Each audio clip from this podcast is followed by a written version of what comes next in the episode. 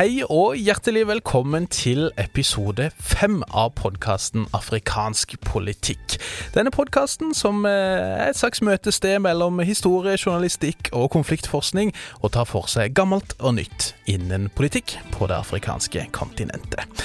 Jeg er Bjørn Røsby. Med meg har jeg Maren Sæbø. Vi eh, har allerede kommet til episode fem. Det blir eh, siste episode før en liten vinterferie neste uke. Men vi vil jo bare bruke anledningen til å si takk til de som har fulgt med så langt. Vi håper jo også at dere kan tipse andre som kan være interesserte om podkasten. Som vi har sagt før, er det veldig hyggelig hvis dere vil legge igjen en liten sånn review der dere lytter til podkaster.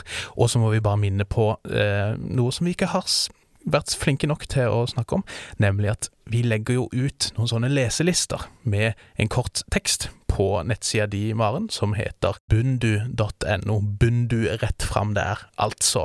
Og det er også en Facebook-side som heter Bundu, som vi vil oppfordre dere alle til å gå inn på hvis du er så uheldig at du bruker Facebook jevnlig. Eh, der blir det også publisert litt oppdateringer, så får dere hengt med på det som skjer. Sånn, det var liksom alt, alt av formaliteter og så videre. Maren, i dag så har vi tenkt til å snakke om eh, ja, Working title er lov og rett og galt. Og det skal rett og slett handle om Afrika og ymse internasjonale domstoler. Og kanskje vi skal bare slå fast først som sist at verken du eller jeg er jurister, og takker pris for det. Så vi skal liksom ikke inn i masse sånne fin juss og tekniske, nyanserte greier. Det er kanskje ikke kjempespennende på en podkast, og det kan vi ikke nok om uansett, men vi er interessert i politikken rundt denne jussen, om du vil. Og det er jo egentlig et ganske opportunt øyeblikk å snakke om lov og rett og galt og sånt i Afrika, fordi vi har særlig én sak, nemlig Sør-Afrika mot Israel, holdt på å si. Sør-Afrika som har eh, meldt inn Israel til den internasjonale domstolen i Den Haag og anklaga Israel for å begå folkemord mot den palestinske befolkninga. Dessuten så ser vi også at den internasjonale straffedomstolen, en annen domstol, eh, ja, følger litt ekstra godt med på krigen i Sudan om dagen, og det er en god anledning til å snakke litt om dette kontroversielle og ganske vanskelige forholdet mellom nettopp Den internasjonale straffedomstolen og afrikanske stater. Så vi har noen ting vi skal gå inn i, men vi kan jo begynne med Sør-Afrika, Maren. Det er et land som jeg kan fryktelig lite om, men som du heldigvis kjenner veldig godt til. Du har bodd der, du har studert der, du har vært der i forbindelse med ditt virke som journalist, og da passer det jo veldig fint å kunne spørre akkurat det om Hvorfor tror du det akkurat er Sør-Afrika som tar denne saken mot Israel til Den internasjonale domstolen i Den Haag. Sør-Afrika har jo en eh, ganske sterk eh, tradisjon, de siste 30 år i hvert fall, når det gjelder å se på menneskerettsbrudd. Dette har jo eh, sine naturlige forklaringer i eh, apartheid og den prosessen som kom etter apartheid, den såkalte sannhets- og forsoningskommisjonen og høringene eh, som pågikk i, i flere år etter 1995. Det var jo i utgangspunktet en høring som skulle se på forbrytelser gjort under apartheid, med løfte om amnesti til de som snakka åpent, mm. og var også uh, ment som en slags si, nasjonal sorgprosess. Ja. Eller en, en, forsoningskommisjon, da, mm. uh, hvor folk skulle uh, kunne få høre, ta oppgjør med sin egen historie, og kanskje naboens historie, og hvor en del også etter hvert Burroughs Furniture is built for the way you live. From ensuring easy assembly and disassembly to honoring highly requested new colors for their award-winning seating, they always have their customers in mind. Their modular seating is made out of durable materials to last and grow with you. And with Burrow, you always get fast, free shipping. Get up to 60% off during Burrow's Memorial Day sale at burrow.com slash ACAST. That's burrow.com slash ACAST. burrow.com slash ACAST. Everyone knows therapy is great for solving problems, but getting therapy has its own problems too, like finding the right therapist, fitting into their schedule, and of course, the cost. Well, BetterHelp can solve those problems. It's totally online and built around your schedule. It's surprisingly affordable too. Connect with a credentialed therapist by phone, video, or online chat, all from the comfort of your home. Visit betterhelp.com to learn more and save 10% on your first month. That's BetterHelp, H E L P. Hiring for your small business? If you're not looking for professionals on LinkedIn, you're looking in the wrong place. That's like looking for your car keys in a fish tank. LinkedIn helps you hire professionals you can't find anywhere else, even those who aren't actively searching for a new job but might be open to the perfect role. In a given month, over 70% of LinkedIn users don't even visit other leading job sites. So start looking in the right place. With LinkedIn, you can hire professionals like a professional. Post your free job on linkedin.com slash people today. Ble dømt. Prosessen den pågikk fra 1996, og så fortsatte den fram til 98. Den identifiserte 7000 politiske mord. Den dømte rundt 7000. Kun 850 ca. fikk innvilget av dette lovede amnestiet. Eh, De fant vel ut at de, det var ganske mye grovt her. Ja, ja. Og dette gjaldt da selvfølgelig ikke bare de som, som, som eh, tilhørte den gamle apartheidstaten. Det gjaldt da også andre, bl.a. de væpnede gruppene til de forskjellige frigjøringsbevegelsene. Altså Mm. både ANC og et parti som het PAC hadde egne væpna grupper. Det var andre mindre grupper. Det var ikke bare forbrytelser begått i Sør-Afrika, noen også i nabolandene under den krigen som, som Ja. som, som gikk der. I det hele tatt en ganske omfattende og stor prosess, som, som, som uh, gikk eh, daglig på radio og TV, og som produserte et enormt materiale. Mm. Det inspirerte jo og utdanna jo også et miljø av menneskerettsjurister. Mm. Eh, Vi ser at eh, det er fortsatt en veldig aktiv eh, debatt om menneskerettigheter i Sør-Afrika. Det, det er advokater som, som, som stadig tar folk til, til både lavere og høyere rettsinstanser um, i, i såkalte menneskerettsspørsmål for å få uh, erstatning eller for å få folk dømt. Mm. Noen av disse advokatene inngår i det anklageteamet som Sør-Afrika for noen uker siden sendte til De Haag. Mm. Og, og flere av dem har også erfaring med å gå mot sin egen regjering i Høyesterett. Som er veldig interessant i den sammenhengen. Som er interessant. Dette er Mm. ikke veldig regimetro miljøer. Dette er eh, veldig vitale miljøer, og, og Ja, ja. Sør-Afrika har rett og slett bestemt seg for å sende de beste. Ja, ja.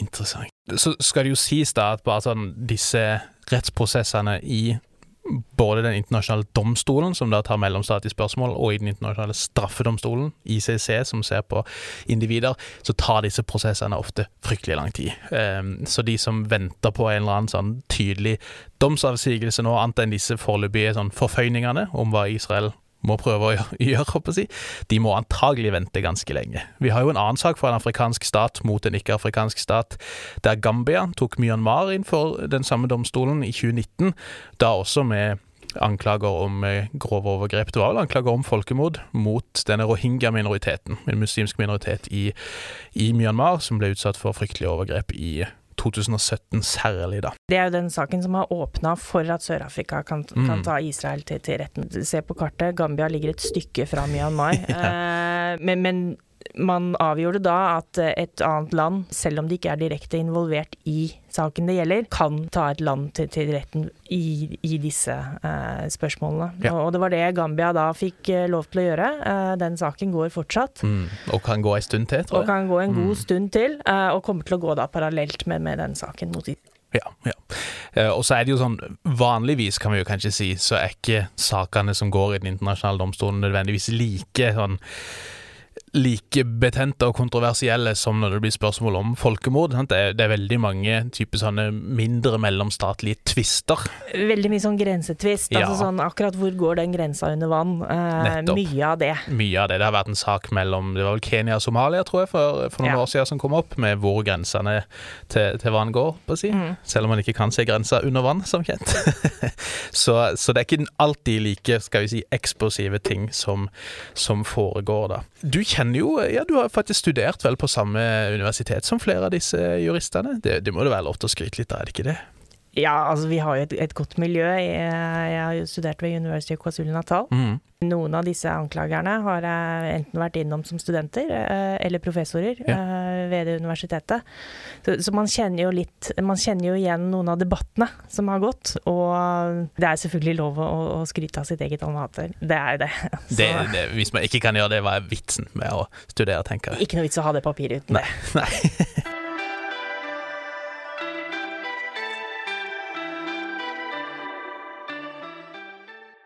Det som gjør kanskje særlig da denne saken her interessant sammenlignet med ICC, den andre domstolen vi skal komme til, er jo at her ser vi en afrikansk stat som tar en ikke-afrikansk stat inn for retten. Sånn som også da Gambia gjorde med Myanmar.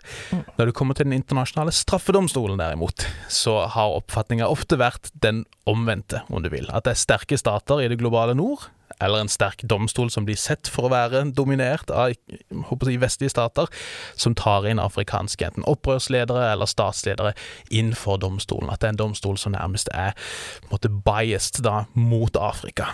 Og det er jo på en måte konteksten som ligger litt bak her, når vi nå bare for eh, noen dager siden fikk høre fra sjefsanklageren, sjefen om du vil, av Den internasjonale straffedomstolen, at han er på saken når det kommer til Sudan. Ikke bare det, men han har slått fast ganske klart at det er gode grunner til å tro at både den sudanesiske hæren og denne her opprørske paramilitærorganisasjonen Rapid Support Forces har gjennom, eh, gjennomført forbrytelser som da er i strid med de såkalte Roma-vedtektene, som er da det dokumentet som oppretta denne domstolen, og som definerer hva slags forbrytelser den har jurisdiksjon over. Og vi har jo snakka en del om Sudan, vi må bare snakke litt om Sudan før vi går inn i denne domstolen. Vi har snakka ganske mye til nå. Vi har hatt, dette er den femte episoden. Mm. Sudan har blitt nevnt i nesten alle, tror jeg. Det er et stort land. Det er et stort land, og det pågår mye der, så det, jeg tenker det er helt naturlig at vi snakker mye om det. Men det har jo kommet, særlig siden sist vi spilte inn, en eh, rapport. Det vil si, det har blitt lekt en rapport fra et ekspertpanel som har fått i oppdrag av FNs sikkerhetsråd å undersøke hva som foregår, holdt på å si. De, de har jevnlige rapporter de skriver fra Sudan, der de skal se på ting som har å gjøre med forskjellige sanksjonsregimer og lignende. Og den rapporten skulle vel vært publisert allerede? Den har latt vente på seg? Slik det, det fungerer med disse rapportene, er at de gjerne skal komme hver tredje måned. De skrives jo da av et sånt uh, ekspertpanel, uh, som du nevnte, og legges fram for Sikkerhetsrådet. Sånn at Sikkerhetsrådet kan følge med og eventuelt gripe inn. Vi vet jo hvordan det pleier å gå. Uh, uansett, denne, vært, uh, denne, rapporten skulle vært lagt ut for uh, noen uker siden. Ja. Et par uker siden. Det har den ikke blitt, men den har blitt lekket, og den har blitt omtalt bl.a. av New York Times, mm. som har verifisert den. Ja. Altså det det er, en ekte rapport. Mm det har sirkulert uekte rapporter i noen av disse områdene tidligere. Det er litt spesielt, men, men denne er nok ekte. Ja. Og den viser ganske klart hvorfor nå den internasjonale straffedomstolen er klar for å ta ut, eller for å, for å gå tettere inn på dette her. Ja. Nå er det jo ikke sånn at dette starta denne uka. De har fulgt med på hva som har skjedd i Sudan, i hvert fall siden august, eh, ganske nøye. Har på alle mulige måter forsøkt å, å, få informasjon og verifisere informasjon om hva som skjer, og varsla at det vil komme eh, saker. Mm, mm. Uh, nå skal de altså konkretisere det, og så får vi se hva de hva det blir til. Hva det blir til, Og mm. så får vi også se om, om, eh, om Eh, FN tør å vise oss hva de sitter på. Ja, ja for, for, den rapporten der, det er bekmørk lesning, altså. Og det er Ja, vi kommer til å linke til det hvis du går inn på Bundu da, på nettsida, så, så, kommer vi til å legge inn link sånn at dere kan lese den, dere som måtte ønske det. Men, men det, er, det, det, anbefales ikke, uh, egentlig. Nei, det det er, ikke særlig hyggelig lesning, for å si det mildt. Uh, og, og, det står jo mye forskjellig. Sant? Det står uh, en del om ting som har å gjøre med finansiering, ikke sant. Så det står en del om forskjellige selskaper som har bånd til RSF, denne paramilitære organisasjonen. da. Det står en del om De forente arabiske emirater, og hvordan de har forsynt RSF med våpen og lignende. Men så står det jo også en del om konkrete overgrep og forskjellige forbrytelser som man har godt belegg for å tro har funnet sted. Det som er eh, kanskje mest alvorlig her, og som eh, er viktig i denne sammenhengen og forhold til den straffedomstolen, er at man ser veldig mye av den samme dynamikken mm. som man så sist eh, ja. den internasjonale straffedomstolen var opptatt av, av, Sudan, og spesielt av Darfur. Man ser en bevæpning av eh, en hel masse lokale grupper. En god del av det som, som eh, vi nok har fått vite lite skjer i Gaza, det skjer også i Darfur. Altså sånne ting som mm. angrep på, på, humanitære konvoier, angrep på sykehus, nedslakting rett og slett av, av uh, unge menn spesielt, men mm. også andre. Gjerne da eh, så går det utover en, en, en gruppe i Darfur som heter Marsalit. Ja. Som da RSF og, og deres eh, allierte er, ser ut til å være spesielt ute etter. Marsalit på sin side, de har jo egne selvforsvarsgrupper og tar igjen. Mm, mm. Denne type måte, dynamikk, det var det samme som da eh, lå bak den tidligere saken som, som gikk i straffedomstolen fra Sudan. For Eh, 20 år siden cirka. For 20 år siden. Eller da, det var da handlingene pågikk, ja. Da, da presidenten, daværende presidenten i, Sudan ble siktet. Det- Eller anklaget for folkemord, rett og slett. ja. ja og, og det, det som har kommet ut til nå, da, er jo ekstremt alvorlig. Sant? Det er spesielt da et tilfelle som ble omtalt fra byen El Geneina, som ligger helt vest i Darfur, en av de større byene da. På veien til Tsjad. Ja, på veien til Tsjad, der denne ekspertgruppa, etter eh, granskninger og samtaler for så vidt med folk som har vært der og flykta derfra, sånn anslår at 10 000-15 000 sivile kan ha blitt drept. Og, da, og det er jo etter hvert ganske mye bildebevis også fra bakken, i og for seg. Det er rikelig med satellittbilder eh, som viser ødeleggelsene, og det er altså og, om du bare har en gratis Google Earth-konto, så kan du gå inn og se en del av disse ødeleggelsene sjøl i dag. Men, men det som du sier, det spesielt, virker det som, selv om det ikke er utelukkende, det er spesielt da menn i stridsdyktig alder fra denne Masalitt-gruppa som som gjør at dette her da av flere blir sammenligna med rette, tenker jeg, med et slags sånn Srebrenica-scenario, som ble vurdert til å være et eksempel på et folkemord. Dette er fra krigen i Bosnia, da, 1995, hvor ca. 8000 eh, bosnisk-muslimske gutter og menn ble massakrert av serbiske styrker. Eh, som ble vurdert som et folkemord, selv om det i og for seg var nokså geografisk begrensa. Og det er jo lignende ting på en enda større skala, tilsynelatende, som foregår akkurat nå, som gjør at det er ganske rystende hvor lite både oppmerksomhet og hvor lite respons det er på dette fra, fra internasjonalt hold akkurat nå. Men ganske mye respons og oppmerksomhet da eh, fra Den internasjonale straffedomstolen, som, som har det som, som jobb å følge med på. Mm, og der er jo også kontraster ganske slående mellom det man hører fra ICC-hold, og det Mm. denne pan eh, ekspertpanelsrapporten konkluderer med. Sant? Alltid til slutt så er det noen sånne anbefalinger. Ja. Utrolig vage greier med at vi anbefaler at man minner partene om at de har ansvar innenfor eh, krigens folkerett og humanitærretten, og at de må oppføre seg, og at de ikke må handle i strid med våpenembargoene osv. En usedvanlig, uh, usedvanlig svak konklusjon på en så, så alvorlig Mhm. sak. Men, men som sagt, vi har jo ikke sett den endelige rapporten ennå.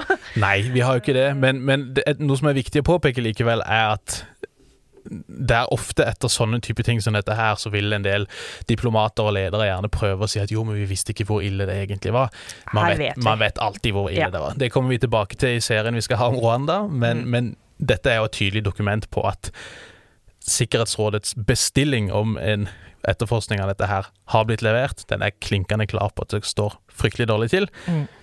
Men det, det er likevel ikke mye til, til respons å spore fra det organet, da, selv om ICC i og for seg er, er på jobben. Vi kan jo for så vidt nevne, det har vi nevnt før også, men mannen som leder disse styrkene, som har stått for disse overgrepene, Mohammed Hamdan Dagalo, bedre kjent som Hemeti, var jo på besøk og ble tatt imot av Sør-Afrikas president samme uka som man tok denne saken da til eh, Den internasjonale domstolen. Ja, det skapte jo litt oppmerksomhet, særlig eh, i sosiale medier, Ja. eh, at eh, Sør-Afrika tok imot eh, Hemeti. Det var særlig når disse rapportene som kommer ut, tyder på at man kan godt argumentere for at det som foregår i Darfur, også bør forstås som et pågående folkemord.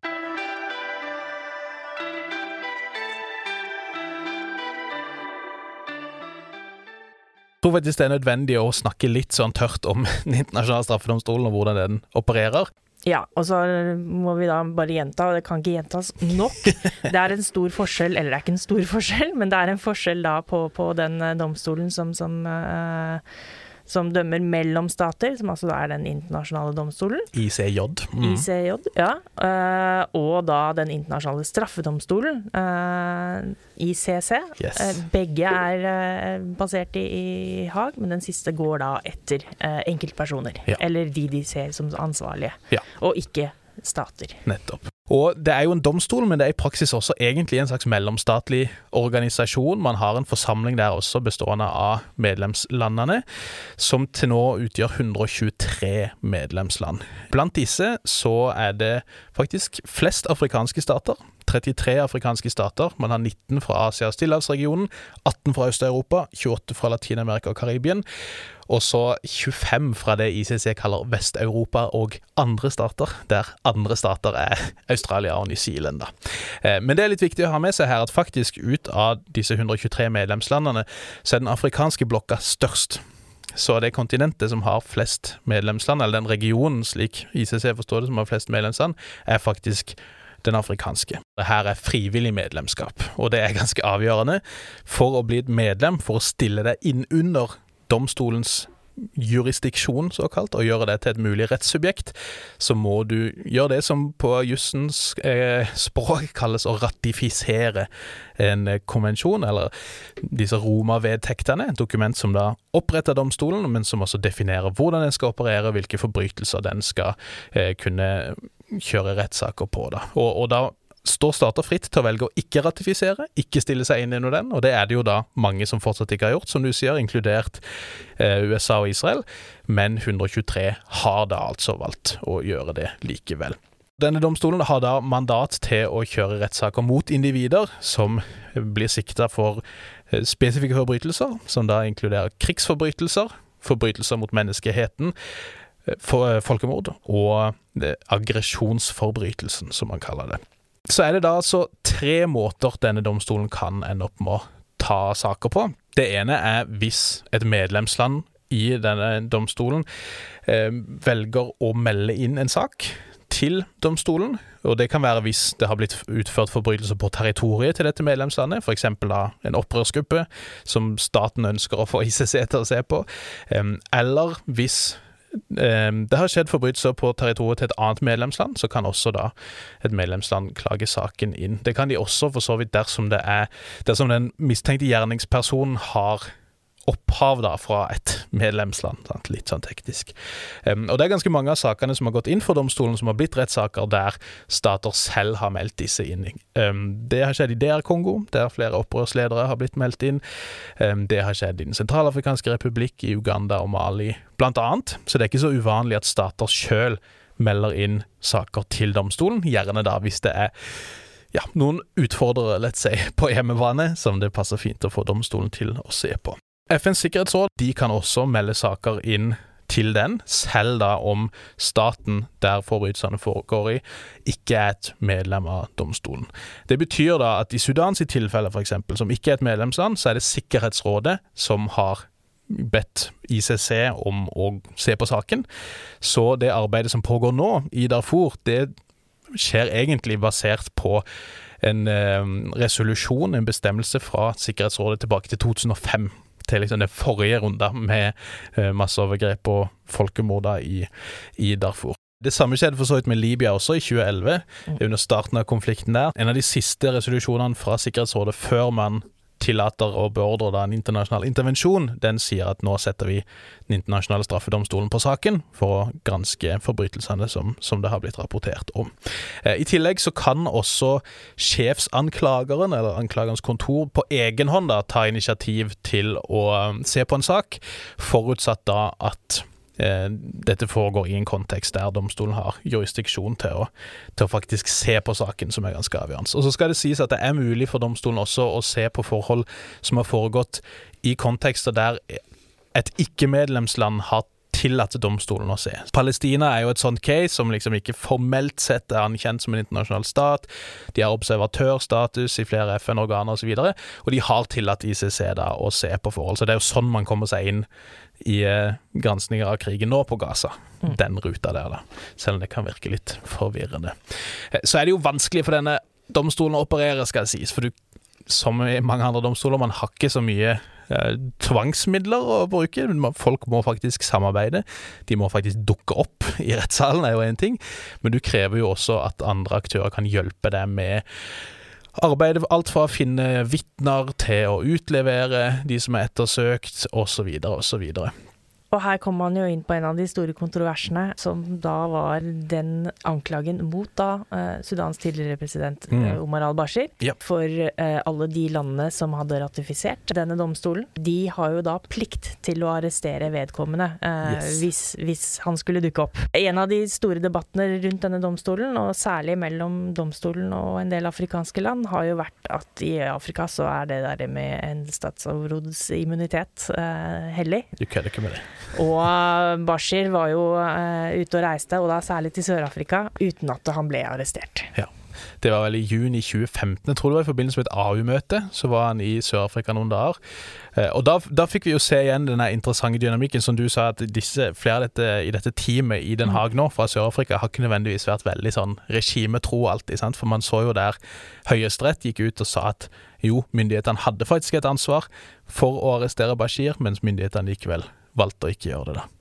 Max Duplessis, som sitter på det teamet til Sør-Afrika i dag, Mm. eh, han er en av de som da eh, prøvde dette for domstolene når Omar al-Bashir eh, besøkte Sør-Afrika, Ja. og fikk en kjennelse på at de skulle arrestere han. Ja. Det ble jo da ikke fulgt opp. Nei, men ICC bekrefta siden også at Sør-Afrika hadde et ansvar. Mm. Og dette kom jo opp igjen da på nytt med Putin i fjor, ikke sant? Mm. der det også var snakk om interessant nok Sør-Afrika, om, om Putin kom til å dra på dette BRICS-toppmøtet i Sør-Afrika eller ikke. Det var vel i august det skulle vært, han endte opp med å ikke dra, men da er var det jo mye snakk. han liker jo ikke å reise. Det, Han holder seg vel helst hjemme, eller Ja. drar litt til Gulfland og sånt. Liksom, de er Ja. ikke så nøye på det. Um, men der også kommer jo dette opp igjen. Der. Kommer han til å dra? Hvis han drar, kommer Sør-Afrika til å arrestere han denne gang, siden deres egen, eh, egne rettsinstanser har sagt at de skal gjøre det. Mm. Det ble til slutt ikke et problem. Men likevel så viser det jo at stater må samarbeide, og, og på en måte toppen av smålighet, det har jo USA levert under eh, forhenværende og kanskje kommende president Donald Trump, som eh, rett og slett sa at eh, sjefsanklager, som da het Fatou Bensouda for noen år siden for Den internasjonale straffedomstolen, de får ikke lov til å komme til USA engang. Så man eh, ga de liksom innreiseforbud og så videre. og og sørga for å jobbe veldig aktivt mot domstolen. Mye fordi at det på det tidspunktet ble undersøkt forhold under krigen mellom USA og Taliban i Afghanistan, noe USA naturligvis ikke var spesielt positivt innstilte til, let's say. Her har jo nåværende administrasjon eh, snudd. Eh, de samarbeider nå med domstolen. Det er kanskje fordi de ønsker å ta Putin. Eh, Så USA, eh, som da ikke har ratifisert, eh, hjelper domstolen i, i enkelte saker. Ja. Litt sånn pick and choose der det passer. Ja, akkurat som, Som alle andre. som alle andre. Dessverre. Um, og, og så er det jo også sånn Ting kan ta veldig lang tid, Mm. men det er også sett ikke gitt at ting faktisk blir tatt opp i domstolen. Sant? Det er ganske mange sånne punkter som må kunne sjekkes av for at domstolen i det hele tatt skal kunne se på en sak. Dette er jo svært alvorlige forbrytelser vi snakker om. Vi, vi snakker om si, verdens verste forbrytelser, rett og slett. ja. Eh, og, og bevisbyrden skal være ganske tung for å klare å bli dømt Ja. i, i, i, slike saker. Som betyr at en del saker som har vært inne for domstolen, har blitt eh, skrota, holdt på å si. Selv om alle de tingene er på plass, så må jo domstolen, eller de forskjellige kamrene som forbereder det, vurdere om vi skal slippe til denne saken i det hele tatt. Og her har man jo et prinsipp på litt dårlig norsk som heter komplementaritet, der, som med andre domstoler, europeiske menneskerettighetsdomstolen også eksempel, så tenker man seg at vi skal være siste utvei. Sant? Så vi ønsker at lokale og nasjonale domstoler skal ta saker så langt det lar seg gjøre, forutsatt at de kan og vil det, håper jeg og så skal vi være den siste utveien. En av grunnene til at såpass mange av sakene hos Den internasjonale straffedomstolen dreier seg om afrikanske saker, er jo nettopp fordi vi snakker om en gruppe land som ikke har hatt fungerende rettssystem. Hadde Kongo hatt et eh, sterkt rettssystem, så, så ville de kanskje ikke eh, henvist såpass mange saker eh, til Haag. Vi ser det jo også i selvfølgelig Mali, i Libya. Det finnes ingen andre fungerende domstoler for å, for å ta uh, disse sakene, uh, og, og da er veien kort dit. Og desto mer da, hvis det er snakk om statsoverhoder og sånn, så skal det ganske mye til for at uh, en annen del av liksom maktdelingsordninga skal, skal gå. Veldig sjelden gå at statsoverhoder blir, blir tatt til retten. Det er Ja. igjen, Sør-Afrika er et godt eksempel på at de har, På et unntak. Mm, Ja. Mm. På at de, de har uh, klart å, å, å ta noen av sine egne uh, til retten. Um, Zuma being the one, kanskje, som er mest kjent. Ja. Mm, mm. Så, så sørafrikanere de kommer nok ikke til å havne i Den internasjonale straffedomstolen selv på en stund, for de har et fungerende rettssystem. Mm, nettopp, nettopp, sant. Det skal jo også sies at det er nok veldig mye som ikke kan bevises og ikke kan tas til retten. Så man må ta de sakene eh, hvor det er eh, relativt klart at det her har det skjedd eh, en, en krigsforbrytelse, og denne saken er faktisk mulig å, å føre. Mm. Det er jo et problem med både informasjon og dokumentasjon i en del av disse områdene som Den internasjonale straffedomstolen har sett på. Mm -hmm. Vitner er ofte forsvunnet eller borte eller døde. Eller det er farlig å uttale seg. det er farlig å uttale seg. Det er områder hvor vi kanskje ikke har dokumentasjon fra kan si, ugilda parter. Mm. Eh, det er jo verken journalister, noen ganger heller ikke hjelpearbeidere, eller FN-styrker til stede for å dokumentere dette her first hand kort tid etter at det skjer. Ja, sant, og Resultatet blir jo ofte at man må lene seg på satellittbilder. Sant? Det ser vi jo også i denne, dette ekspertpanelet, som baserte seg vel på bilder som eh, Center for Information Resilience. Center for Information Resilience, ja. ja. som, som har flere prosjekter der de eh, gransker eh, særlig da ødeleggelser av byer og lignende. Akkurat nå så ser de vel spesielt på Myanmar Myanmar, og så har de et og kart for Sudan. Mm. og, og Ukraina. Ja, just. Eh, så vel verdt å sjekke ut deres nettsider. Vi kan linke til de også. Eh, problemet med satellittbilder er jo det at man kan verifisere at ting har skjedd, men det er ikke dermed sagt enkelt å vurdere hvem som har gjort det, eller hvor mange mennesker som har mista livet. Hvis du snakker med, som jeg nylig gjorde i Johannesburg, noen av disse som analyserer satellittbilder for Human Rights Watch, Mm. så sier de at eh, vi kan jo se om man har brent ned en by, men vi kan jo ikke se om det er folk i det vi tror er massegraver. Nei. Og vi kan jo ikke telle antallet i de massegravene, men vi kan si det kan være at det er en massegrav der. Mm, mm. Det kan være at det, var folk i denne byen da den brant. Ja. Men det er veldig begrensa hva de kan se fra, fra en satellitt. De som har tilgang til de, de bedre satellittbildene, der, der er det en oppløsning ned på, på øh, en meter eller så. Ja. så de har ganske god uh, oversikt. Mm.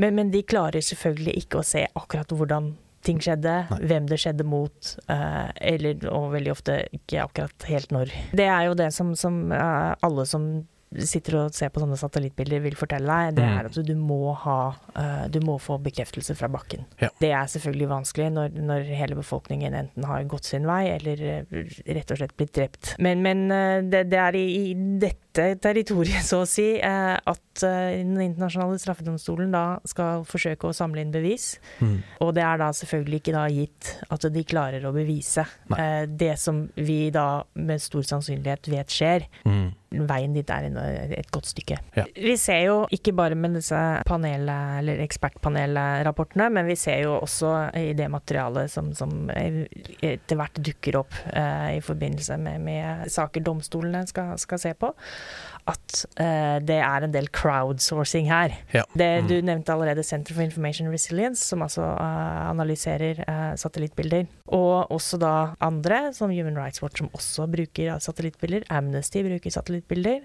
Og i tillegg så, så sitter det jo ganske mange folk og overvåker flytrafikken. Mm. Eh, du ser i den siste FN-rapporten om, om Sudan at de har brukt data fra folk som sitter og ser på flights. Ja. Jeg har lagra bokmerker. Jeg får varsler på de flyene jeg vet flyr for Emiratene. Ja. Og de fløy hyppig til, til Tsjad for å fly stæsj til Darfur i sommer. Sant? Så.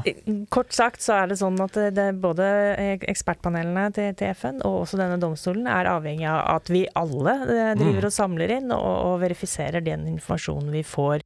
Det arbeidet er vanskelig nok i seg sjøl, og blir jo desto vanskeligere hvis du har å gjøre med kontekster hvor det er aktører som aktivt jobber mot eh, Ja. denne type innsats. ikke sant? Du krever dette samarbeidet fra aktuelle aktører, og særlig fra stater. Sudan er, jeg er ikke med på dette, for å si det sånn. Nei, nei, det kan vi vel Ingen av si. partene. Ingen av partene. Og, og igjen, vi har snakka om dette her med vansker for å få stater til å eventuelt utlevere de som er ettersøkt, de som har arrestordre på seg.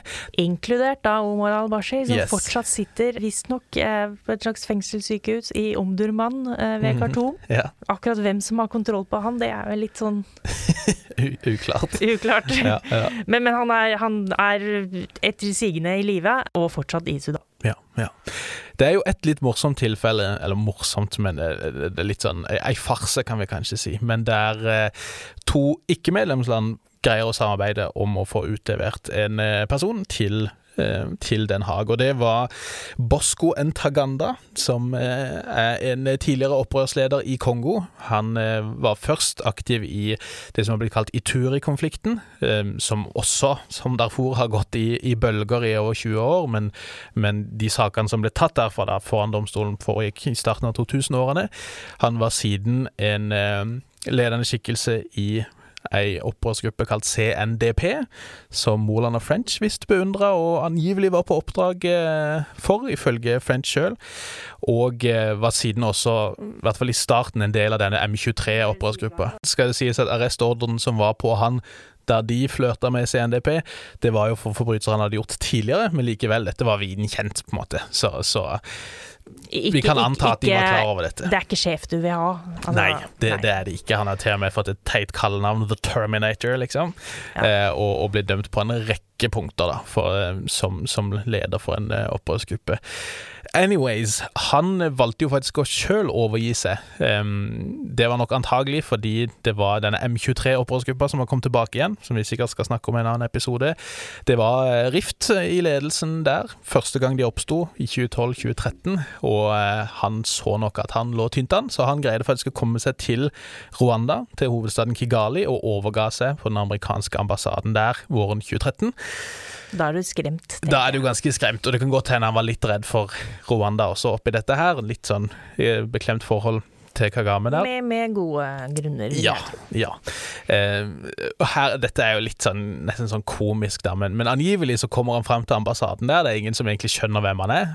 Han forventer jo at folka på ambassaden vet hvem han er, siden han er en av de mest ettersøkte folka globalt, gitt arrestordren fra ICC.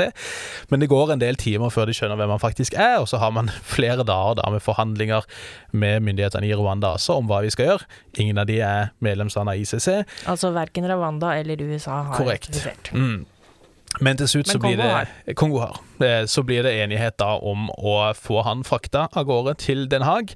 Så han blir kjørt til flyplassen i hovedstaden da i Rwanda, Kigali, hvor han igjen blir sittende og vente ganske mange timer. For på det tidspunktet så blir det en diskusjon da mellom de forskjellige partene.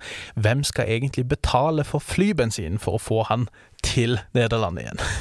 For det er naturligvis noe som noen må betale for. Og det var tydeligvis ikke USA og Rwanda særlig begeistra for. Nederland sa at vi har jo betalt for reisen ned her, så nå må noen andre ta dette på hjemveien. Og så blir det angivelig da noen europeiske diplomater der som må ringe ganske hektisk rundt til sine sjefer, og det er noe kredittkort som blir sendt rundt, og så videre. Inntil han til slutt blir, blir skippa av gårde og kommer seg til domstolen. Så her var det et tips til. Ikke ha en fyr som han som sjef. Eh, Mhm. Og to, skal du overgi deg til den internasjonale straffedomstolen, finn en ambassade fra et land som har ratifisert, Yes. og som du veit kommer til å betale turen din til Haag. Yes.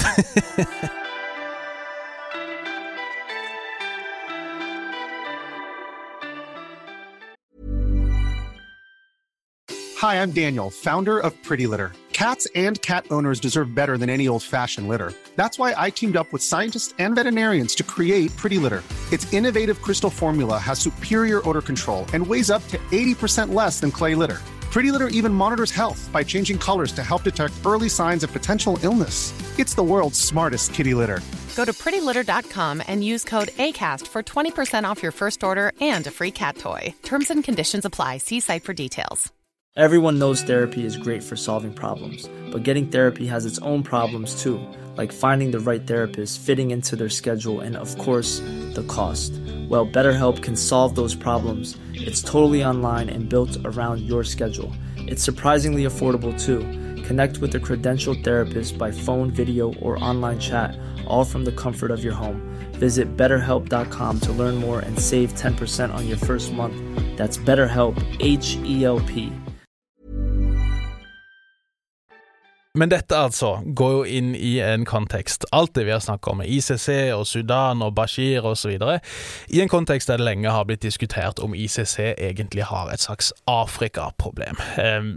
De mest kritiske har jo gått så langt som å si at ICC er nærmest en slags nykolonialistisk instans som er rigga til for å beskytte vestlige eh, krigsforbrytere, som eh, jeg vet ikke, Bush-administrasjonen er jo som ofte trekkes fram, mens man kan gå etter ymse afrikanske afrikanske statsledere man ikke liker, eller forskjellige afrikanske opprørsledere som man ønsker å bli kvitt. Det er rigga mot Afrika, har, har en slags sånn oppfatning blitt over tid. Den kan vi jo kanskje ta til side med en gang. Afrikanske land, siden de da utgjør en såpass stor blokk, så har Ja. de jo vært veldig aktive brukere av denne domstolen som vi var inne på med Kongo, har selv henvist sakene. Mm. Uh, så afrikanske land eh, har jo eh, vært med å bygge opp. Så, så en veldig aktivt offer i så fall.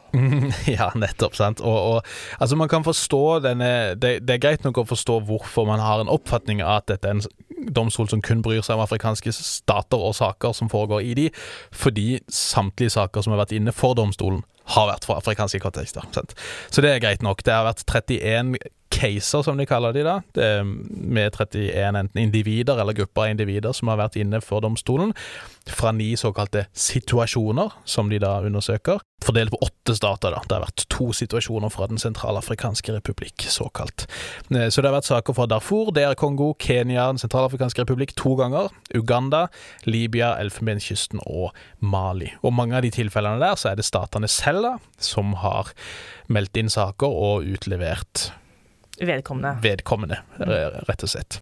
Og i de aller fleste tilfellene så har det jo vært snakk om enten noen litt mer underordna statlige aktører, ministre eller folk et stykke opp i eh, militæret, men veldig ofte om opprørsledere. Med noen få unntak, som vi skal komme tilbake til. Sudans president Omar al-Bashir og Kenyas tidligere president Uhuru Kenyatta og hans visepresident, nåværende president i Kenya, William Roto, som også har vært inne for domstolen. Av disse opprørslederne så vil jeg kanskje gjette på at det er Josef Kony, leder for Herrens motstandshær, såkalt. Um, Mest, mest berømt, ja. ja, jeg tror han, han skal få stikke av med, med seieren der, altså. Eh, en, en opprørsgruppe som starta i Uganda, eh, rekrutterte primært blant denne Acholi-gruppa, men som siden har blitt sånne eh, omstreifende Lagt små ut på celler. vandring. Gikk vel fra Uganda gjennom deler av, Sør-Sudan. Eh, Mm. Var en god stund i Sør-Sudan, faktisk. Var også involvert i, i forhandlinger der.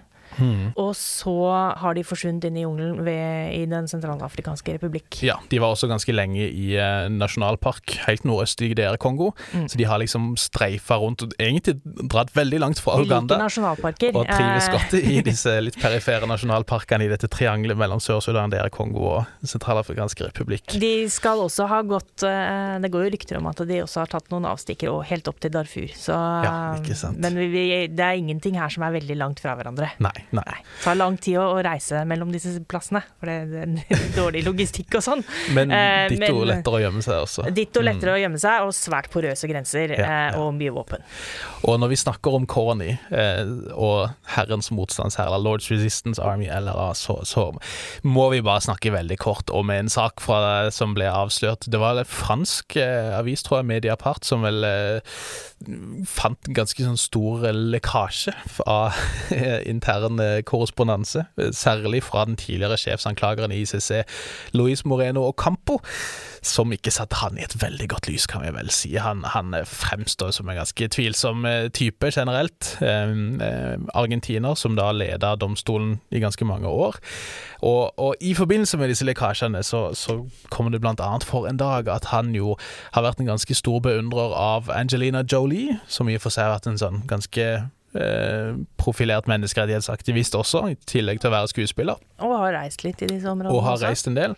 Eh, men også da prøvd å få med Brad Pitt på, på lasset der, da. Daværende ektemann. For han her Ocampo fikk en idé der om åssen kan vi få eh, Josef Kony ut ut av skauen. Hvordan kan vi få han ut fra, fra frilufta og inn i eh, rettssalen i Den Haag? Jo, hva med om vi går for en sånn god gammeldags honey trap? Hva om vi rett og slett setter Angelina Jolie, og kanskje enda bedre får med Brad Pitt også på jobben?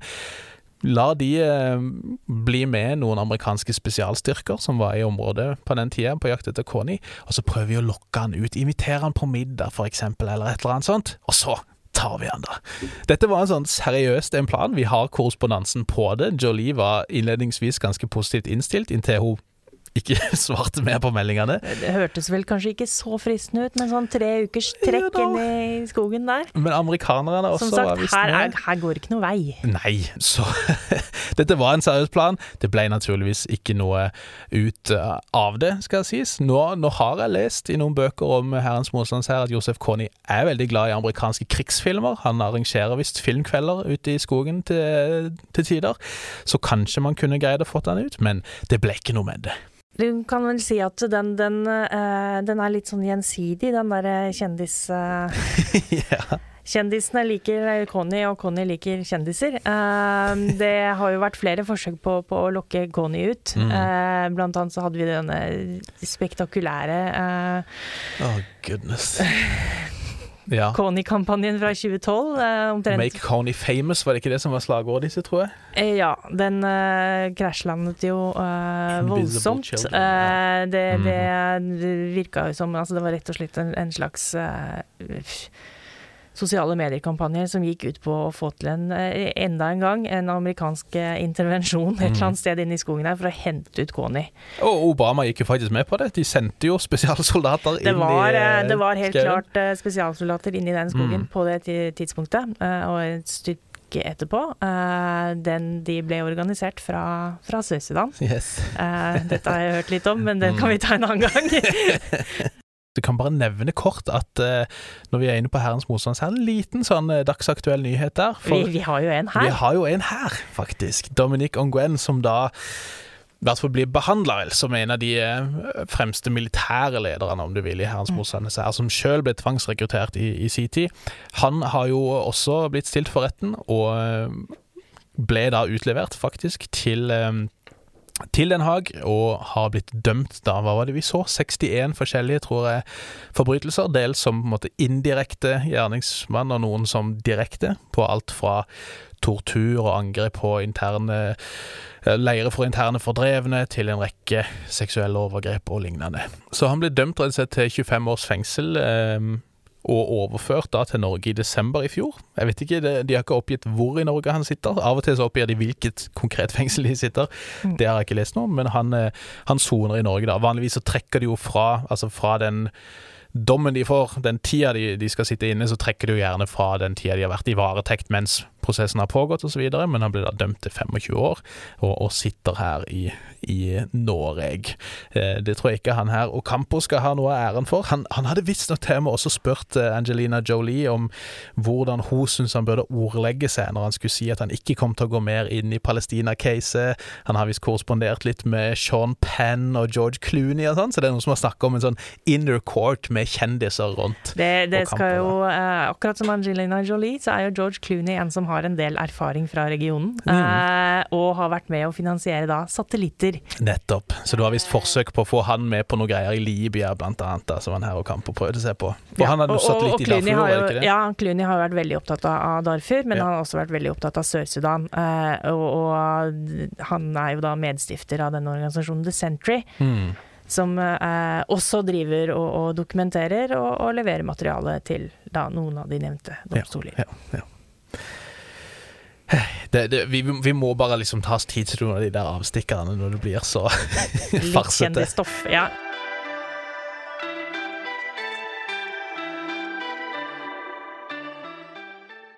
Det er jo en del kritikk mot ICC, og en del av det handler særlig om afrikanske stater. Som vi har sett, alle sakene som har gått i domstolen, har vært i forbindelse med afrikanske såkalte situasjoner, selv om man har sett på alt fra Venezuela til Myanmar og forskjellig. Man har hatt granskninger. For det første så er det jo da rett og slett Statistisk sett så er det flest afrikanske stater som domstolen kan se på. Så det i seg selv skulle jo på en måte tilsi at det vil være flere. En annen ting er jo for så vidt også det at Ofte så er det mindre storpolitisk rivalisering om disse casene, så det er kanskje lettere å få gjennomført ting. Småfisk. Det er en, mye småfisk. Ja. Ikke så viktig for Sikkerhetsrådet. Det er Nei. ikke noe som ingen, som ingen som begynner å legge ned noe veto eller nei, skrike nei. noe høyt opp om uh, noen av disse opprørslederne fra Kongo. Noen av oss nerder er jo ja, sant. Noen av oss nerder er jo interessert i folk som Vosko Entaganda, men de fleste mm. har jo ikke peiling eller bryr seg ikke nevneverdig om verken han eller Ja, de har hørt om Kårni, og det, det stopper stort sett der. Um, som sagt, som vi har sagt flere ganger, og som du også har påpekt, mange av disse statene har jo samarbeida med domstolen når de har sett seg tjent med det. Og, og akkurat det Kongo-caset er litt interessant, for der har du ikke et nasjonalt system, nei, som kunne gjort en god jobb. Men jeg har sett forskere påpeke at gitt at noen av disse sakene var fra denne Ituri-konflikten, helt nordøst i landet, der hadde man faktisk eh, et rettssystem på plass som hadde fått ganske mye støtte fra bl.a. EU, som etter hvert hadde en del erfaring, som hadde kjørt saker mot forskjellige aktører, inkludert statlige soldater, som potensielt kunne tatt en sånn sak det ville neppe vært i daværende president Kabilas interesse. sant? Det mm. det er ikke en, heldig for en autoritær leder å få et sterkt sivilsamfunn, et sterkt rettsapparat som kan slå ned på dine egne forbrytelser.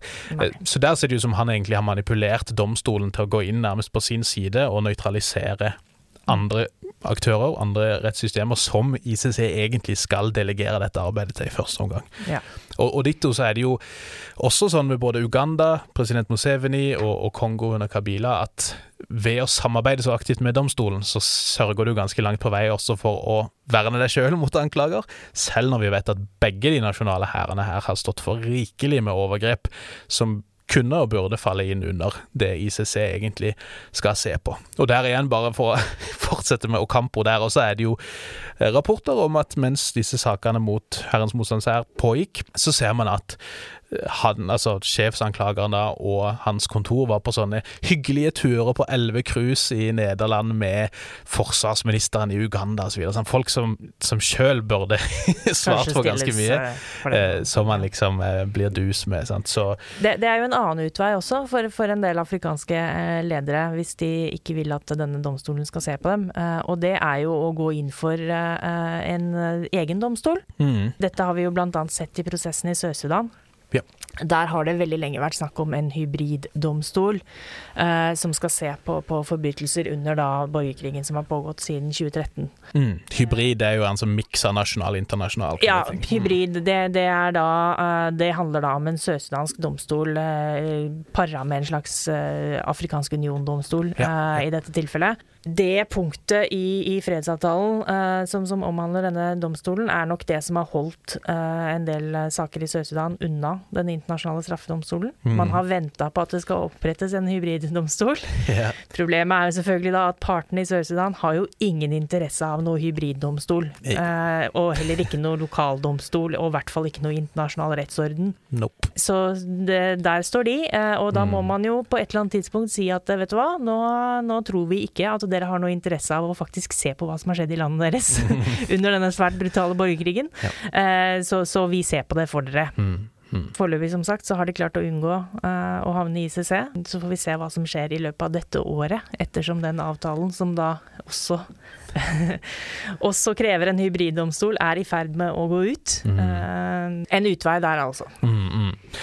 Og så er det jo sånn at vi vet at forholdet mellom ICC og afrikanske stater, men også ICC og Den afrikanske union, AU, har blitt vanskeligere over tid. Og det er jo mm. særlig da disse to casene hvor ICC plutselig går etter statsoverhoder at ting blir krevende. Vi har jo vært innom dette litt allerede, men eh, Sikkerhetsrådet beordrer da at ICC skal se på Darfur-caset i 2005. I 2009 er det vel, så går de etter Bashir, presidenten diktatoren. Eh, I 2010 så legger de vel til anklage om folkemord også mot han, og utsteder da en arrestordre på en sittende president. Eh, mm. Litt etter så går de jo også da etter eh, Uhuru Kenyatta, president i Kenya, og hans visepresident William Ruto i forbindelse med volden i ja. 2007-2008, rundt valget der. Det er vel ca. 1000 mennesker ble drept. Mm. Det var også en eller to kenyanere til som ble stilt for retten.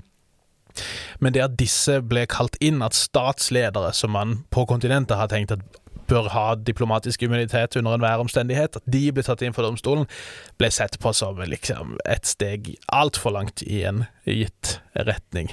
Det var jo også altså Den videre konteksten på det var jo eh, Bashir og Sudan var jo på den tiden også en del av det den uh, onde aksen. Mm -hmm. og var jo klart definert som, som en slags uh, røverstat i forhold til ja. USA. Bin Laden var jo i Sudan og bygga vei på 90-tallet i sin tid. Så, så, Sudan hadde lenge hatt en slags paria-rolle. Mm. og da den tiltalen mot selveste statssjefen, det var det som fikk det til å tippe for en del. Ja som, som syns at eh, skal Sudan opp på den, så må vi jo se på hva som har skjedd i Midtøsten de siste 20 åra. Ja, nettopp. sant, og Dette skjer jo mens det er full gang i både Irak og Afghanistan ja. også, og det er det mange som ønsker å, å se en respons vis-à-vis folk som og hvor det Bush hadde absolutt vært interessant å, å se Mm. om de, de kunne etterforska noe også i de krigene, men uh, de, der har vi ikke kommet helt Nei, nei. ennå. Eh, Men dette utløser jo da likevel en slags krise. Det, jeg skal få lagt inn en link til det på den Bundu-saken, men man ser til og med i liksom kommunikasjon fra AU-hold Mm. at det blir opp, altså afrikanske stater blir oppfordra til å ikke samarbeide med ICC, fordi man mener at de har stått for et ganske grovt overtramp. Eh, særlig også fordi man har liksom hatt egne AU-prosesser rundt dette her, der man har både drevet og mekla og prøvd å bidra med forsonende arbeid, som de opplevde da ble forstyrra ganske så veldig av, av dette her. Da. Slik man har eh, med altså, Grunnen til at Sør-Sudan har kommet unna med en hybriddomstol, er jo nettopp det. Man er redd for at det vil forstyrre en politisk prosess Mm, mm, som pågår. Eh, og som var det som vi så skjedde med f.eks. med Kony. mm, mm. Sant. Så, så responsen ble jo at flere land truer rett og slett med å bare trekke medlemskapet sitt. Eh, Det er ett land som leverer på det til slutt, Burundi i 2017, men både Gambia og Kenya og Sør-Afrika truer jo en stund med å faktisk forlate domstolen, rett og slett. Trekke tilbake ratifikasjon, sånn at domstolen ikke kunne se på saker fra deres land, og som en ganske symboltung protest da, mot domstolen. Så har vi jo sett også folk som Ugandas president Museveni, som tidligere har samarbeida, som også har liksom hoppa litt på en sånn anti-ICC-retorikk. Han har vel ikke flere han skal sende dit, så Nei, det. han skjønner at han er liksom ligger dårlig an eh, next in line. Det så. er vel kanskje noe med det. Her er det jo litt av liksom bakteppet for dette her krevende forholdet, da. Så kan vi jo spørre liksom Åssen skal vi forstå dette her, da? Er ICC en slags sånn nykolonialistisk institusjon, eller er afrikanske statsledere fiendtlig innstilte fordi de ønsker å berge seg sjøl, og ikke er interessert i at det skal settes noen presedens der diktatorer de får trøbbel, sant? Du er jo der inne på det, det ideologiske. Noen afrikanske land har jo ett poeng når de mener at eh, Vi var innom hva som er grunnlaget for, for disse domstolene tidligere, altså Mm. Roma-vedtektene. Afrikanske land mener jo at de ikke går langt nok. Vi snakka så vidt om hva, altså, hva, som, hva du kan bli eh, stilt til retten for og dømt for, og det er jo da typiske liksom, brudd på folkeretten, grove krigsforbrytelser og forbrytelser mot menneskeheten. Mm. En del afrikanske land har jo ønska å inkludere ting som apartheid, eh, bosettere og det som de Altså, man kan kort kalle det liksom koloniale overgrep, da. Det var jo en lang prosess det her med å få på plass disse Roma-vedtektene.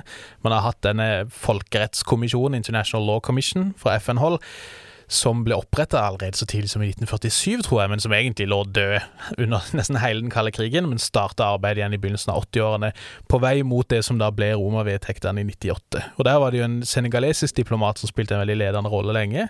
Så allerede, eller så seint som i 1991, da, som ikke er veldig mange år før vedtektene blir endelige, eh, så ser man jo forslag der til å inkludere, som du sier, eh, colonial domination som en separat artikkel. Apartheid står fortsatt i vedtektene nå, men som en forbrytelse mot menneskeheten, mens man ønsker det som en separat forbrytelse. Også ting som ødelegg, bevisst ødeleggelse av miljøet. Eh, narkosmugling, internasjonal terrorisme, flere sånne ting ble nevnt. Eh, som, som ting man ønska å få inn, men som da ble ja, under litt eh, trøkk fra stater i, i nord og vest. Silt ut til slutt, ja, For å oppsummere, da, så, så uh, mener jo da afrikanske land to ting i forhold til den domstolen. Uh, det ene er at den går etter eh, Eller at den eh, tar feil folk, Mm. f.eks. statsledere, og at den går etter afrikanske land. Samtidig så har det vært lyder fra kontinentet hvor de ønsker at domstolen skal gå lenger. Mm. Hvor de ønsker å inkludere flere typer eh, forbrytelser som de definerer ut ifra sin egen nære historie, og som er fullt forståelig. Det bringer oss jo også litt tilbake på denne eh, sagaen med, med, med Sør-Afrika og hvorfor de har dratt Israel til, til Haag nå. Sør-Afrika har jo også vært veldig vokale hva gjelder hva, hva de mener de ser i, i de okkuperte områdene. Og de har brukt apartheid-ordet veldig mye. Ja. De har selvfølgelig veldig god uh, innsikt i akkurat hva apartheid gjør uh, og, og er, og har ønsket også å bruke det. Ja. Nå har de falt ned på, på, på denne folkemord, det først og fremst for å kanskje prøve å få en slags stans. Men, men debatten i Sør-Afrika rundt, eh, rundt dette har jo også gått på, på å, å se om de kan prøve å, å få måte satt ned foten for det de kaller et apartheidsystem. Ja. ja, og i dette forslaget fra 91 eh, til det som ble Roma-vedtektene, så står det jo faktisk under liksom de eh, Hva er det de bruker? Extraordinarily serious crimes, eller noe sånt. De mest alvorlige forbrytelsene, i hvert fall, så har man satt inn da bosetting av okkuperte områder. Der, Ja. på en måte. Sant? Ikke som en krigsforbrytelse, som det er blitt i dag, men, men innunder de mest alvorlige, som også er på en måte en indikasjon da om, eh, om litt hvor, ja, hva man vektlegger. da. Mm, Må, se på da noen av de landene som, som har hatt de, de, de tyngste antikoloniale kampene. De har jo alle vært det som vi kaller bosetterkolonier. Ja. Sørlig Afrika, Algerie, eh, Kenya. Altså områder hvor det ble flyttet inn en stor eh, europeisk befolkning. Eh, og, og hvor andre ble fratatt land. Eh, så, så dette er jo også noe som de på en måte har egen historisk erfaring med eh, Ja, ja. i ganske nær historie. Just, just. Så det er på en måte den ene sida av det som egentlig er blitt på en måte to debatter rundt straffefrihetsproblematikken, da. Eller impunity, som man kaller det på engelsk. Så på den ene sida så har man denne fløyen, som er litt mer sånn typisk sånn for postkolonialistiske tenkere, såkalt. At man sier at problemet er ikke at afrikanske statsledere ønsker straffefrihet eller lignende. Problemet er at systemet er rigga på en måte som gir tidligere kolonimakter straffefrihet. Sant? Så Ja. de har rigga systemet på en måte som gjør at man kan ta en del folk, eh, inkludert statsledere, i andre deler av verden. Mye lettere å ta en opprørsleder i Kongo enn Ja. en, en, en, en stat som f.eks. flytter sin befolkning inn på eh, noen andres territorium, som Israel. Og, og egentlig her så går det jo enda mer på det sånn koloniarven, sant. Altså at, at, eh, at man lettere kan frikjenne seg selv, da, kan man si. Så det er den ene sida av saken. Den andre går jo mer på hvordan ICC har stått veldig hardt på at straffefrihet må unngås til enhver pris. Måten vi kan bruke denne domstolen preventivt håper jeg, for å avskrekke fremtidige lovbrudd, det er ved å sørge for at alle grove forbrytelser blir straffa. Så vi skal ikke under noen omstendigheter helst se at folk går ustraffa hen dersom de har stått for noen av de forbrytelsene som ICC kan felle folk for i, i retten. Og det er jo dette som da kludrer til en hel rekke fredsprosesser. Yes, For her, her ser man jo gjerne at en del afrikanske statsledere har sagt at vi prioriterer og så kan man velge å tro de på det eller ikke. Vi prioriterer, eh, eller legger mer vekt på fred, på suverenitet, på motstand mot kolonisering, panafrikansk solidaritet, om du vil, men det er liksom Fred og suverenitet er viktigere enn rettferdighet i og for seg. Og hvis det ser man jo praksis i flere tilfeller. Hvis vi kan på en måte blidgjøre de som har makt til å la en konflikt vare og rekke i mange år, ved å si at ok, dere skal slippe straff mot at dere legger ned våpnene, så er vi villige til å gjøre det. Som for så vidt også er tanken bak da det vi startet med, Sannhets- og forsoningskomiteen. Mm. Eh, eller kommisjonen. Eh, det, det, det var jo en tanke om at dette her skulle løses på et afrikansk vis. Ja. Eh, og et særlig sørafrikansk vis. Eh, og, og man tilbød da amnesti mot at folk var ærlige Mm. eh, og, og kom og fortalte hva de hadde vært med på. Ja, og Det er dels også en, et resultat av erfaringer i andre overgangsprosesser, som i Argentina. Det var argentinere i Sør-Afrika som kom med tips, for der så man jo forsøk på å kjøre folk fra militærjuntaen foran eh, domstolene. Det virker destabiliserende, og man frykter at det ville kunne måte, fremprovosere nye kupp eller spolere hele denne overgangen. da. Det var helt klart en, en del av det. Mm. den er vel blitt omtalt siden som en sånn utslag av den forsonende karakteren til Nelson Mandela. Dette kommer vi til å snakke om når vi begynner å, å se på uh, hva som egentlig skjedde for 30 år siden i Sør-Afrika. Det var en reell frykt for et, et slags tilbakeslag Ja, uh, på den tida. Pragmatisme i det også, da. Det er en pragmatisme. Rett og slett eh, få disse folka til å, å, å tro seg trygge Mm. og, og, og, snakke åpent, også fordi de, de har jo våpen. Du har jo antyda det flere ganger, men det, det ser vi helt konkret med Josef Kony sitt tilfelle. da. Både det at man ser at Museveni i 2006, på et tidspunkt der eh, ICC allerede er etter han, tilbyr amnesti, altså straff, eh, og ikke straffes, mot å inngå en fredsavtale, men der ICC veldig raskt er ute og sier nei. han må arresteres og sendes til oss. Ja. Og da er det ikke så rart at han ikke dukker opp til slutt, når denne Juba-avtalen skal signeres i 2008, vel. Da har det pågått et par år i Sør-Sudan, eh, eller sørlige Sudan, Sørlige Sudan, eh, ja. forhandlinger om å få en slutt på konflikten.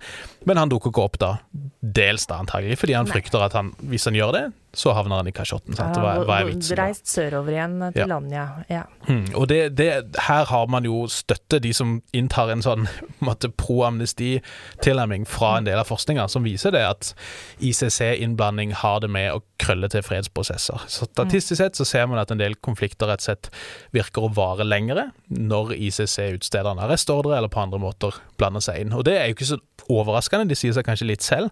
Det gjør at de partene som kjemper her, har all grunn til å fortsette kampene for å unngå å bli stilt for retten. Det som kan endre dynamikken, er dersom disse har god grunn til å frykte en rettsprosess eller en henrettelse, for den saks skyld, internt dersom ting fortsetter. Da kan plutselig ICC bli mer attraktivt, som det gjorde for en Taganda som vi snakka om, som heller overga seg for å gå til ICC enn å risikere å bli drept eller torturert eller lignende dersom han skulle bli tatt av sine fiender. Vi har snakka litt om det tidligere. Den, den absolutt eh, Altså, er du autokrat eller sitter på toppen av en opprørsdel, altså, så er det du er aller mest redd for dine egne. Mm.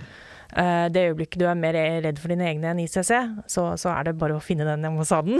Ja, men sant. Nettopp. en ambassade da til et Ja. Mhm. land som har ratifisert, eh, og som har flybillettpenger. Ja. Og det som gjør dette vanskelig, er jo da at i noen tilfeller så kan en arrestordre fra ICC gi deg veldig sterke insentiver til å stoppe kampene og komme deg vekk.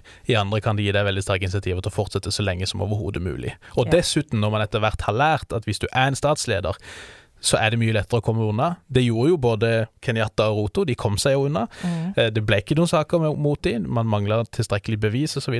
Al-Bashir er jo foreløpig eh, Han er på at large. Han Ja. er jo ikke det, for han er jo stilt for en rett Ja. i, i Sudan, og sitter fengsla i Sudan, sannsynligvis. Mm, men Eh, at large vær i, i forstand av ikke i Den Hagen. I første omgang så kom han unna. Ja, ja. Men, men det viser jo at sant, hvis, hvis du kan vinne og sitte med statsmakta, også om du er en opprørsgruppe, så kan det være et vern mot det. Sant? Så det kan gjøre at konflikten varer lenger, men også at krigføringa blir mer intens fordi begge Du parter forstår at her må vi reise så vinne. mye, da. Nei. Nei, du vil jo kunne dra til Dubai, sannsynligvis, men uh, Men, men det er det de også skjønner, at det bare å holde seg hjemme. Sant? Altså En fyr Ja. som Pol Pot og andre, bare hold deg hjemme, så er det fryktelig vanskelig å krenke suvereniteten til staten for, for å kippe deg ut derfra. Denne kritikken om at ICC kan stå i veien for fredsprosesser, den, den er ganske tungtveiende i og for seg, og, og kanskje særlig gitt også den, denne ideen om at man skal avskrekke visse typer vold. Når det er såpass få saker som faktisk resulterer i domsavsigelser, når det koster enormt mye å få gjennomført disse prosessene, og det tar veldig lang tid, så er det ikke sånn umiddelbart åpenbart at det har noen veldig sterk, verken avskrekkende eller forebyggende effekt. Nei, men det er én grunn til at man skal ha de prosessene, og det er selvfølgelig for, for ofrene å vite hva Mm. som har skjedd. Det er klart. Eh, fordi, som sagt, vi har problemer med å dokumentere veldig mye av disse tingene som skjer. Mm. Eh, og, og da vil jo en rettsprosess eh, bidra enormt Ja. til, til, til en slags kollektiv hukommelse, og vil selvfølgelig også da bidra til de ofrene som, som fortsatt er i live, at de får en slags rettferdighet. Ja.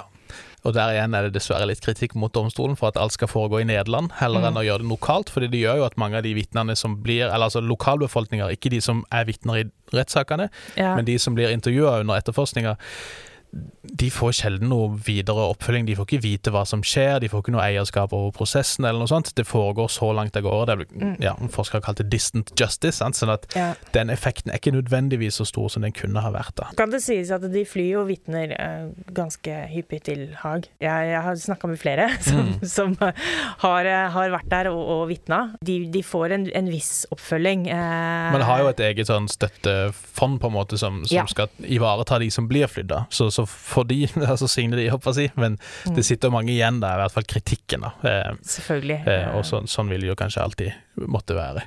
Oppi det hele så, så kan vi jo, ok, kanskje er det uenigheter om både praksis og prinsipper og verdier som ligger til grunn for hvordan ICC opererer i møte med afrikanske kontekster.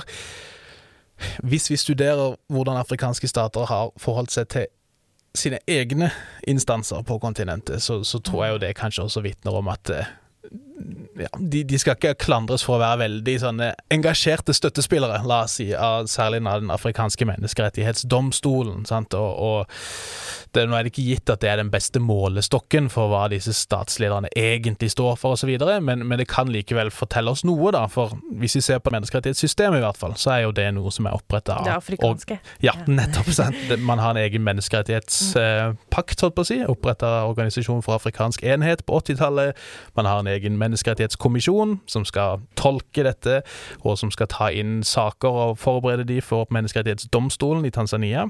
Og man har da denne domstolen som, som skal kunne ta inn saker fra de statene som har gått god for den, håper jeg si, og potensielt da beordre stater til å betale reparasjoner eller lignende til enkeltindivider.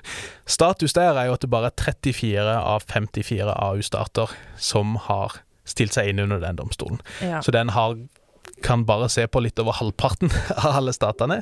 Og av de igjen så er det kun åtte som har på en måte gitt den full tilgang, som gjør at individer og ikke-statlige organisasjoner kan ta saker fra sitt hjemland direkte til, eh, til domstolen. Og av de som har gjort det, så er det jo også flere av de som har trukket det tilbake, så fort domstolen har kommet med en eller annen avgjørelse som disse statene ikke liker. Sant? Og, og ditto så har det vært forsøk på å opprette en egen afrikansk eh, mellomstatlig domstol det var snakk om å opprette en African Court of Justice, som også skal ta inn menneskerettighetsdomstolen. Som ville bli tilsvarende da den internasjonale domstolen?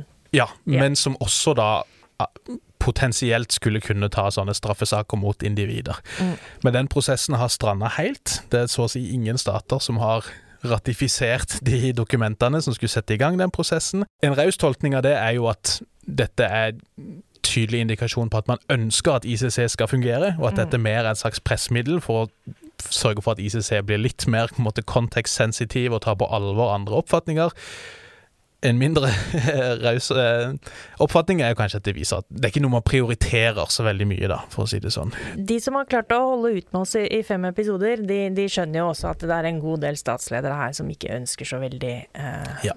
Ikke ønsker eh, noen internasjonale domstoler. Eh, som du sier, det, en raus tolkning kan være at man, man har samla seg relativt greit bak ICC, til tross for da disse ankepunktene eh, mm. som vi har vært innom. En, en, annen tolkning er jo at det, det, har jo foregått prosesser i Afrika som eh, har vært eh, oppgjør.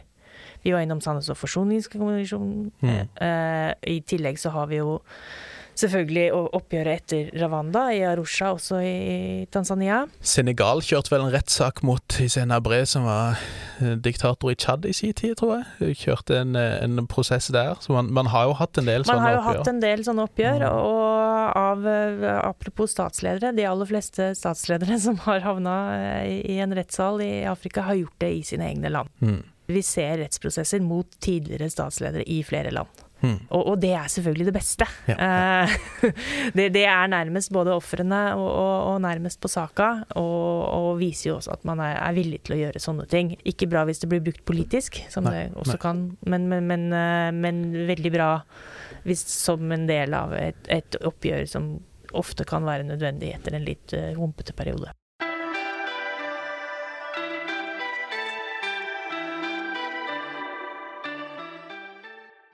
Så, så, som en sånn konklusjon, da, så kan vi kanskje si at vi, vi, kan ha, utrolig nok i disse dager, to tanker i hodet på en gang.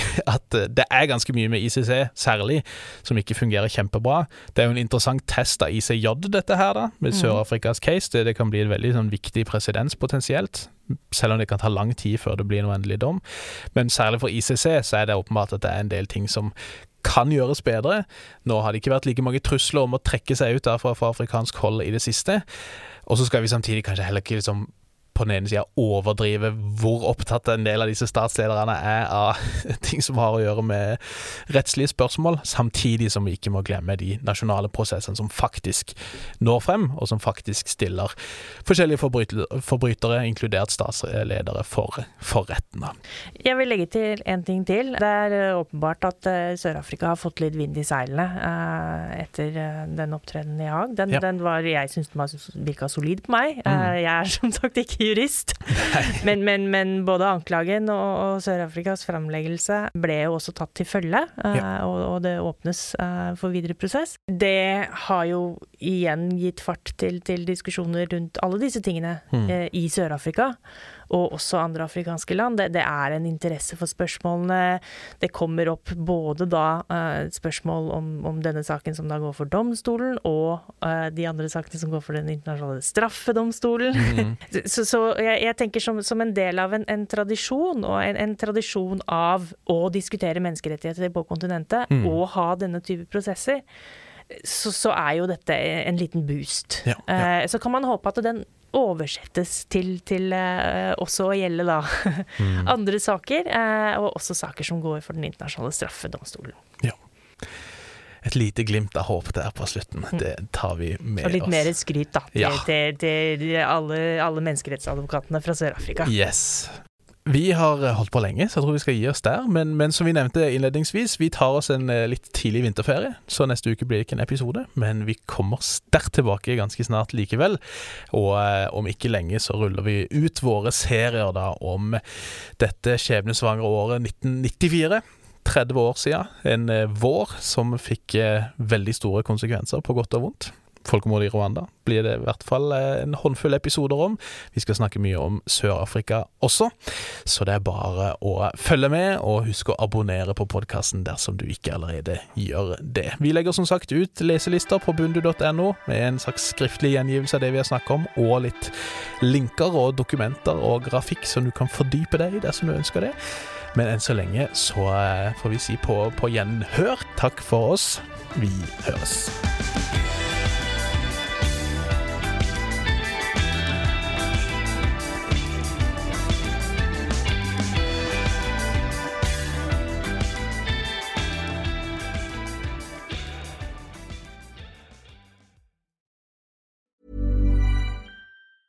Hi, I'm Daniel, founder of Pretty Litter. Did you know cats tend to hide symptoms of sickness and pain? I learned this the hard way after losing my cat, Gingy. So I created Pretty Litter, a health monitoring litter that helps detect early signs of illness by changing colors, saving you money and potentially your cat's life. Pretty Litter is veterinarian developed, and it's the easiest way to keep tabs on your fur baby's health right at home. Go to prettylitter.com and use code ACAST for 20% off your first order and a free cat toy. Terms and conditions apply. See site for details. Hey, it's Paige DeSorbo from Giggly Squad. High quality fashion without the price tag? Say hello to Quince.